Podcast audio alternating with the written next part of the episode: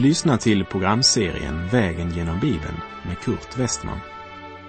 Programmet sänds av Transworld Radio och produceras av Norea Radio Sverige. Vi befinner oss nu i Nahums bok. Slå gärna upp din bibel och följ med. Vi fortsätter vår vandring genom profeten Nahums bok. Men eh, innan vi vandrar vidare så vill jag påminna om vad som hände med Jona. Han som blev sänd till Nineve cirka 150 år innan Nahum proklamerade domen över Nineve. Gud är den som styr både vinden, solen och regnet. Vi vet att Gud håller varje vind i sin hand. Från storm eller orkan eller tornado eller den stilla vindens susning. Vinden blåser, ovädret piskar på order från den suveräna tronen. Och vinden blåser vart den vill, som Jesus sa till Nikodemus i Johannes 3, vers 8. Och när Jona nekade att predika för folket i Nineve och istället valde att fly undan Gud och kallelsen till Nineve var Guds kärlek till folket i Nineve så stor att han satte naturkrafterna i sving. Ha den händelsen i minnet när vi nu vandrar vidare i profeten Nahums bok kapitel 1, vers 4. Och jag citerar här från Bibel 2000s översättning. Han kuvar havet och lägger det torrt. Alla floder låter han sina. Basan och Karmer förtvinar och Libanons grönska dör. Gud hade redan visat sin makt när det gäller naturkrafterna. Vittnesbördet om hur Herren förde sitt folk genom Röda havet när han befriade dem från Egyptens träldom. Det hade nått många länder och folk. Därför bävade också invånarna i Jeriko den gången.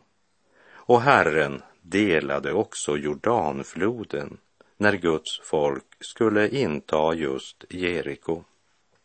Och Jona hade ju verkligen fått erfara stormens krafter under sin sjöresa då han försökte undfly kallelsen att predika Guds dom för folket i Nineve.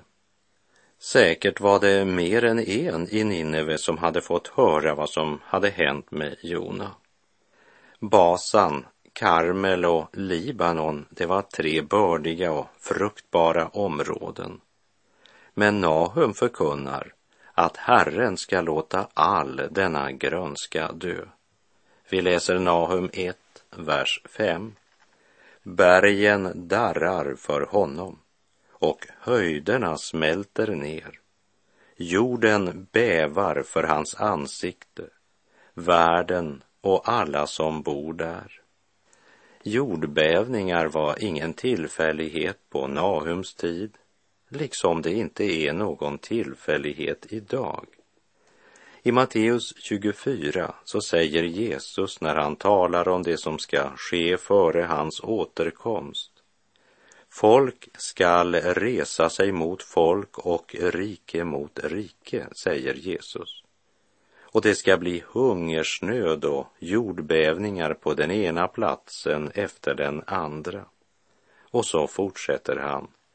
Och då ska många komma på fall och de ska förråda varandra och hata varandra. Många falska profeter ska träda fram och bedra många. Och eftersom laglösheten tilltar kommer kärleken att svalna hos de flesta. Men den som håller ut intill slutet skall bli frälst. På Jeremia tid så ville inte folket tro att Guds dom skulle drabba dem. På Nahums tid var det ingen som trodde att de otroligt bördiga områdena Basan, Karmel och Libanon skulle torka ut och vissna. Men också Nahums profetia gick helt bokstavligt i uppfyllelse. Nahum visste att hans budskap var sant. Han visste vilka krafter den allsmäktige förfogade över. Och han visste hur fruktansvärda konsekvenser synden och ondskan skulle få. Därför utbrister han. Vem kan bestå för hans förbittring? Vem kan uthärda hans vredesglöd? Hans vrede brinner som eld och klipporna rämnar inför honom. Nahums proklamation, som beskriver Herrens makt, skulle vara en försäkran för Juda att fiendens blomstringstid skulle få ett slut när Herren, Israels Gud, skulle ställa dem till svars för deras synder. Assyrien skulle invadera deras land, men Herren skulle säga det sista ordet. Precis som Herren också idag kommer att ha det sista ordet. När hans vredesdom skall drabba alla dem som varit Israels fiender och förorsakat dem lidande. Därför fortsätter Nahum med att säga i vers 7. God är Herren, en tillflykt på nödens dag. Han känner dem som flyr till honom. Gud är god. Det kan inte sägas för ofta. Gud är god. Låt oss komma ihåg det i livets alla skiftningar. Speciellt när det ser som mest hopplöst ut ska du påminna dig själv om denna underbara sanning. Gud är god. Och han känner dem som tar sin tillflykt till honom. Under mörka och svåra stunder, när förtvivlans stormar rasat, då har jag tuggat på den enkla barnabönen. Gud som haver barnen kär, se till mig som liten är. Vart jag mig i världen vänder står min lycka i Guds händer. Ja, Gud, vare lovad. Min lycka är inte förlorad, även om det många gånger verkligen känts som om varje droppe av lycka och hopp varit förlorat. Och då har själafienden viskat i mitt hjärta. Förstår du inte att allt är förlorat? Det finns ingen lycka för dig. Gud har glömt dig. Bara se hur olycklig du nu är. Men då svarar jag, ja, lyckan verkar visst vara långt borta just nu. Och tårarna väter min kind och tron är djupt anfäktad. Men min lycka, den är inte alls förlorad. Gud håller min lycka i sina händer. Och ingenstans är den säkrare än där. Vart jag mig i världen vänder står min lycka i Guds händer.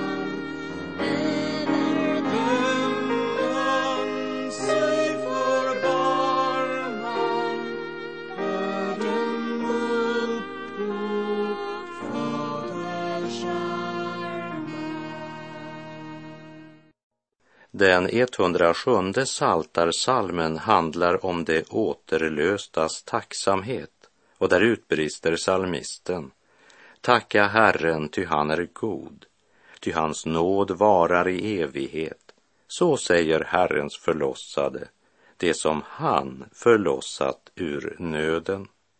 Om inte det förlossade säger Tacka Herren, ty han är god, så kommer ingen att säga så. Därför säger jag, Gud är god. Gud är god. Det är underbart att veta.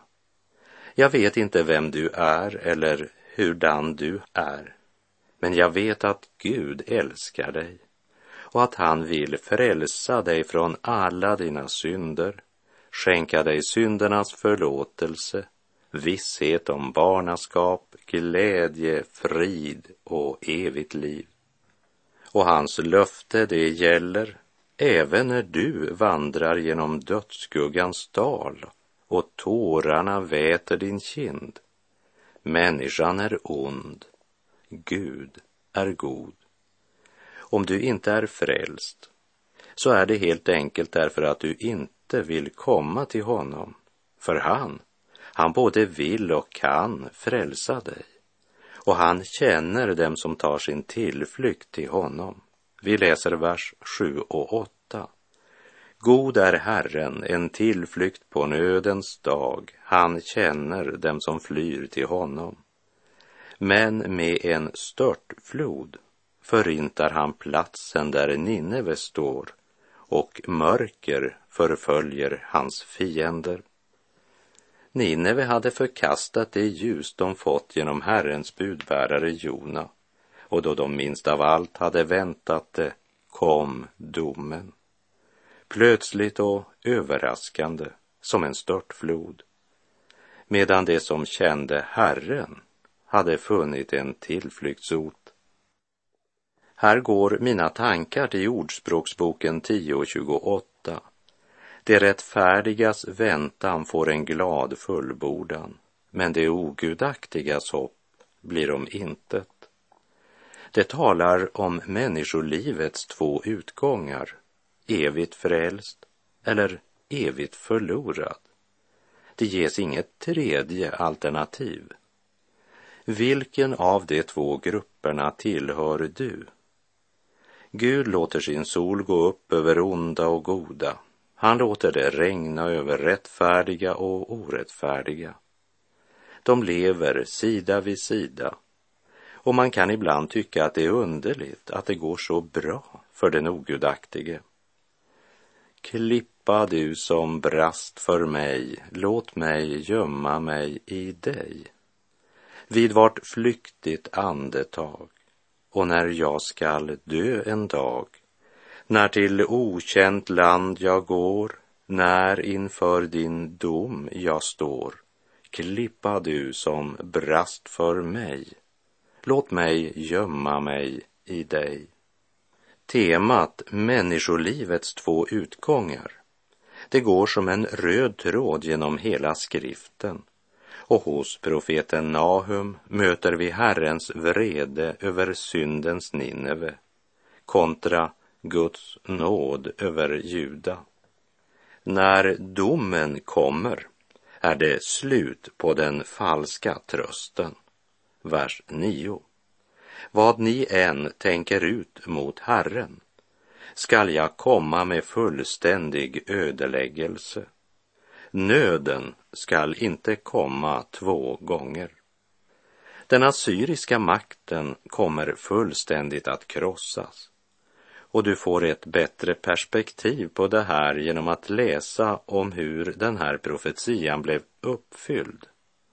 Du återfinner det i Jesaja kapitel 37 där vi får höra hur Herren räddar Jerusalem och hur den assyriske kung Sanherib får sitt straff.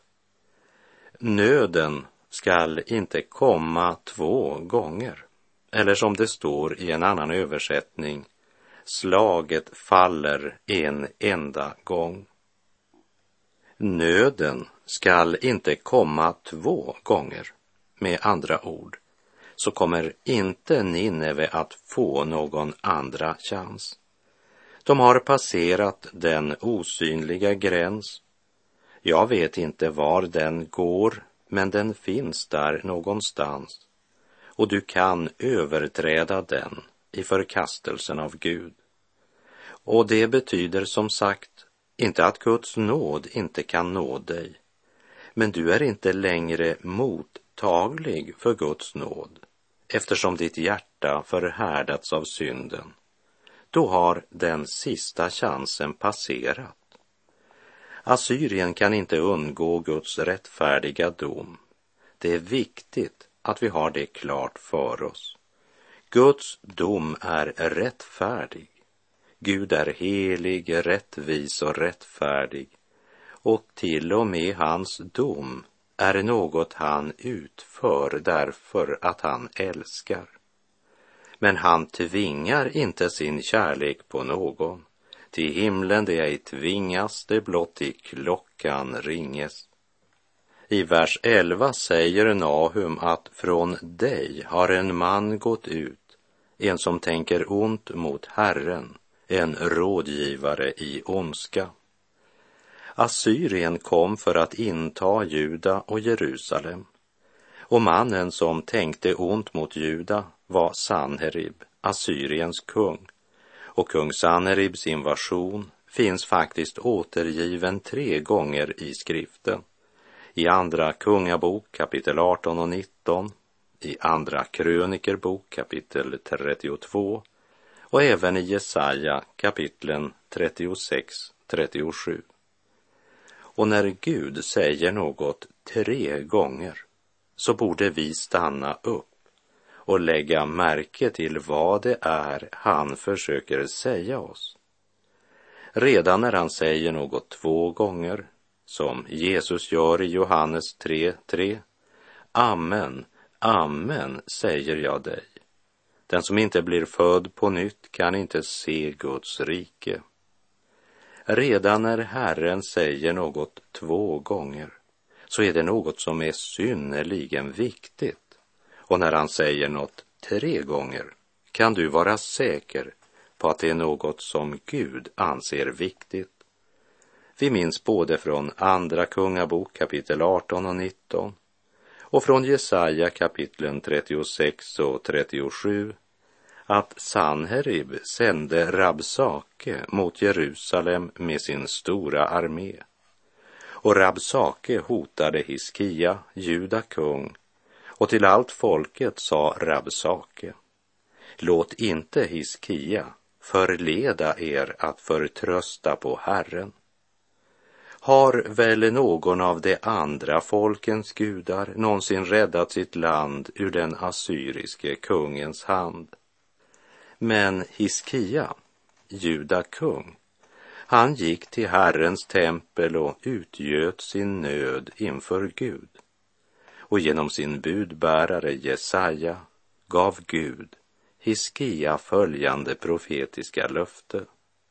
Gud skulle låta Rabsake falla för svärd i hans eget land och om kungen i Assyrien sa Herren till Hiskia och Jerusalems invånare, så säger Herren om kungen i Assyrien. Han skall inte komma in i denna stad och inte skjuta någon pil dit in, som det står i Andra Kungabok 19.32.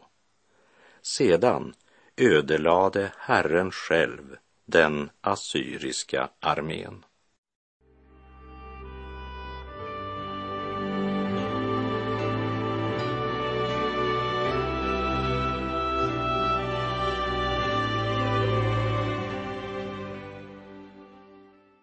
Rabsake, en av härförarna i den stora mäktiga assyriska armén, fick tillsammans med kung Sanherib erfara att vad man än tänkte ut mot Herren, som det står i vers 9, så kom Herren med fullständig ödeläggelse. Och kung Hiskia och folket i Jerusalem fick erfara, god är Herren en tillflykt på nödens dag han känner dem som flyr till honom. Herrens profetiska löftesord till sitt nödställda folk i en tid då allt hopp verkade vara ute, det var att hur stark fienden än var, så skulle det komma en dag då denne fiende inte skulle kunna plåga dem mer. Nahum kapitel 1, vers 12. Så säger Herren, hur starka och många de än är skall de ändå mejas ned och försvinna. Jag har plågat dig, men jag ska inte plåga dig mer.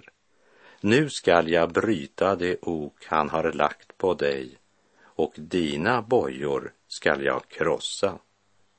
Även Israel och Juda hade varit tvungna att skörda syndens konsekvenser. När de avföll från Gud och levde i synd och omoral och undertryckte de fattiga, då lät Gud fiendeherrar komma och föra dem bort i landsflykt.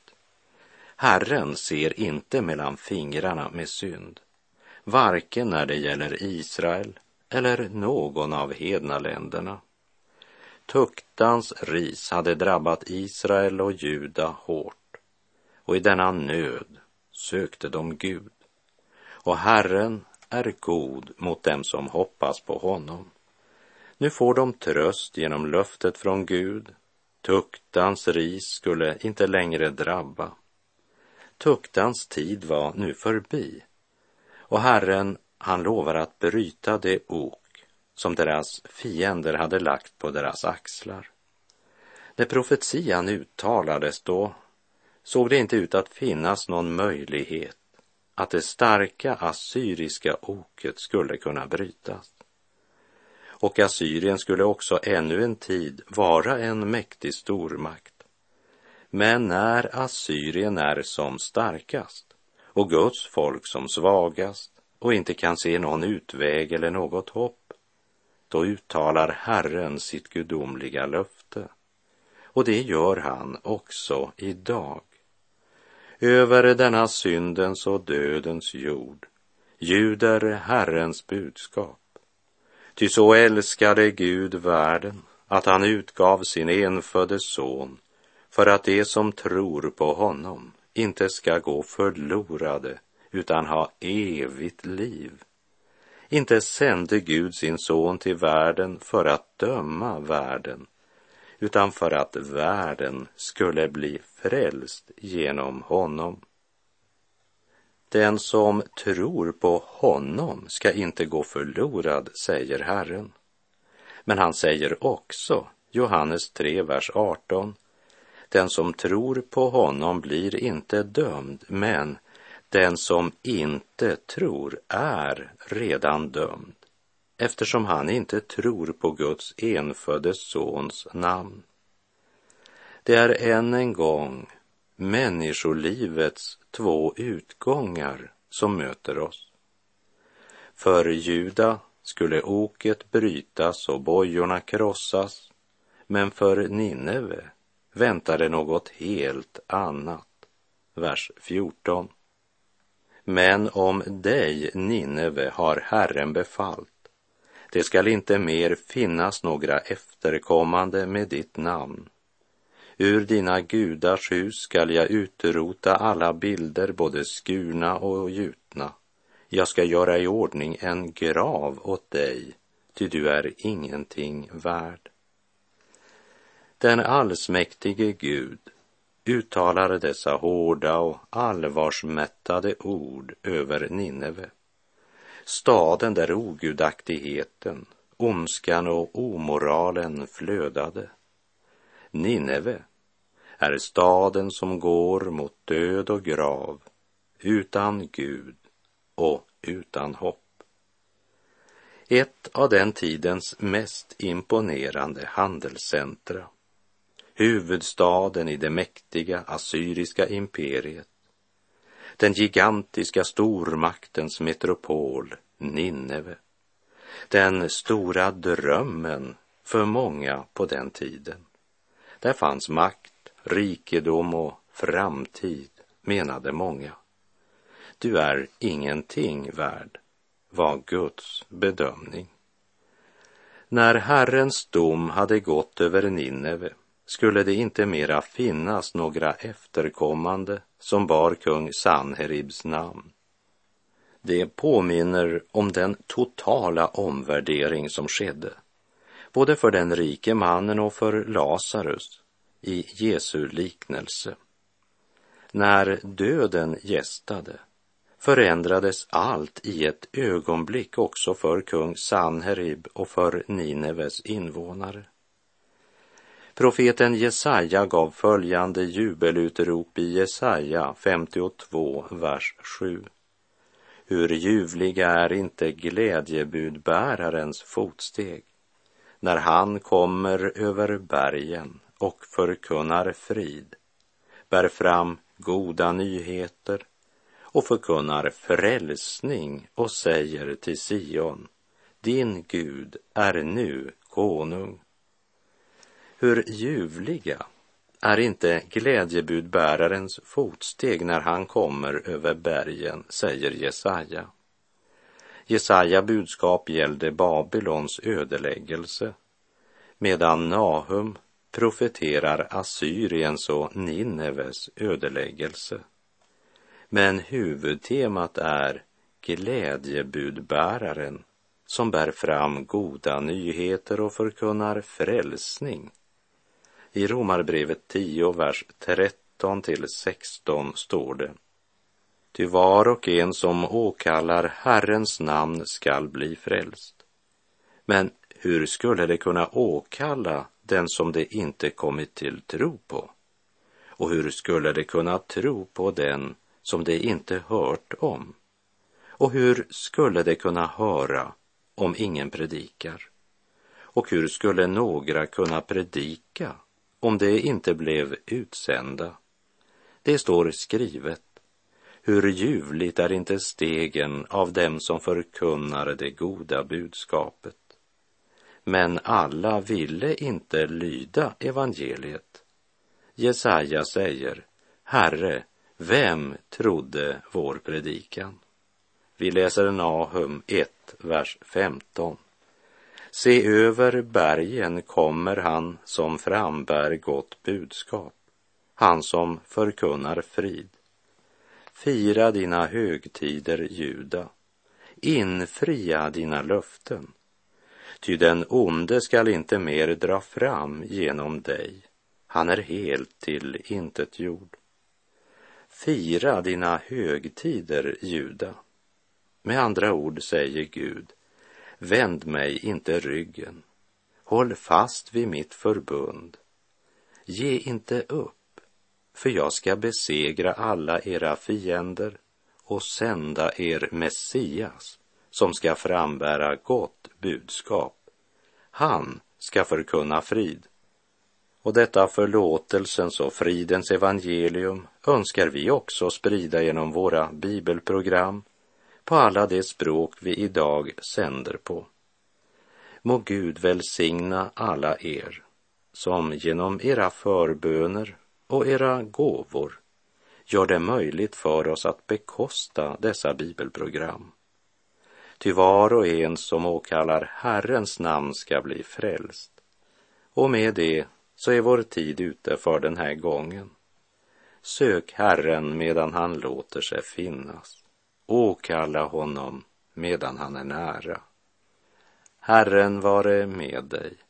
Må hans välsignelse vila över dig. Gud är god. Du har lyssnat till programserien Vägen genom Bibeln med Kurt Westman som sänds av Transworld Radio. Programserien är producerad av Norea Radio Sverige.